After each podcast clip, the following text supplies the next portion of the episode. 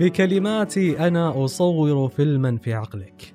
هذا هو شعار أي كاتب يعتقد أن كلماته تثير خيال القارئ.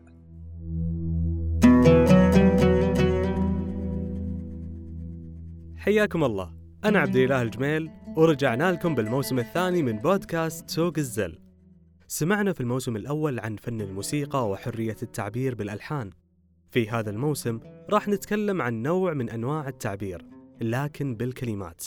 هو فن الأدب وبالأخص أدب الرواية. مثل ما قال إرنست كاسيرير في كتابه اللغة والأسطورة.